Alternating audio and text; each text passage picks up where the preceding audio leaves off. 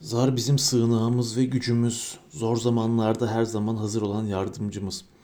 Onun için dünya sarsılsa da biz korkmayız. Dağlar deniz ortasına taşınsa bile, şişmeler sonucu dağlar titrese bile. Ben zarımın evinde kapıcı olmaya razıyım. Düzenin çadırlarında yaşamaktansa. Çünkü Lord Şans bir güneş ve bir kalkan. Şans lütfedecek, zafer, çılgınlık ve utanç verecek. Rastgele yürüyen hiçbir şey sakınılmayacak onlardan. Ey şans efendim, zarım, sana güvenen insan kutsaldır.''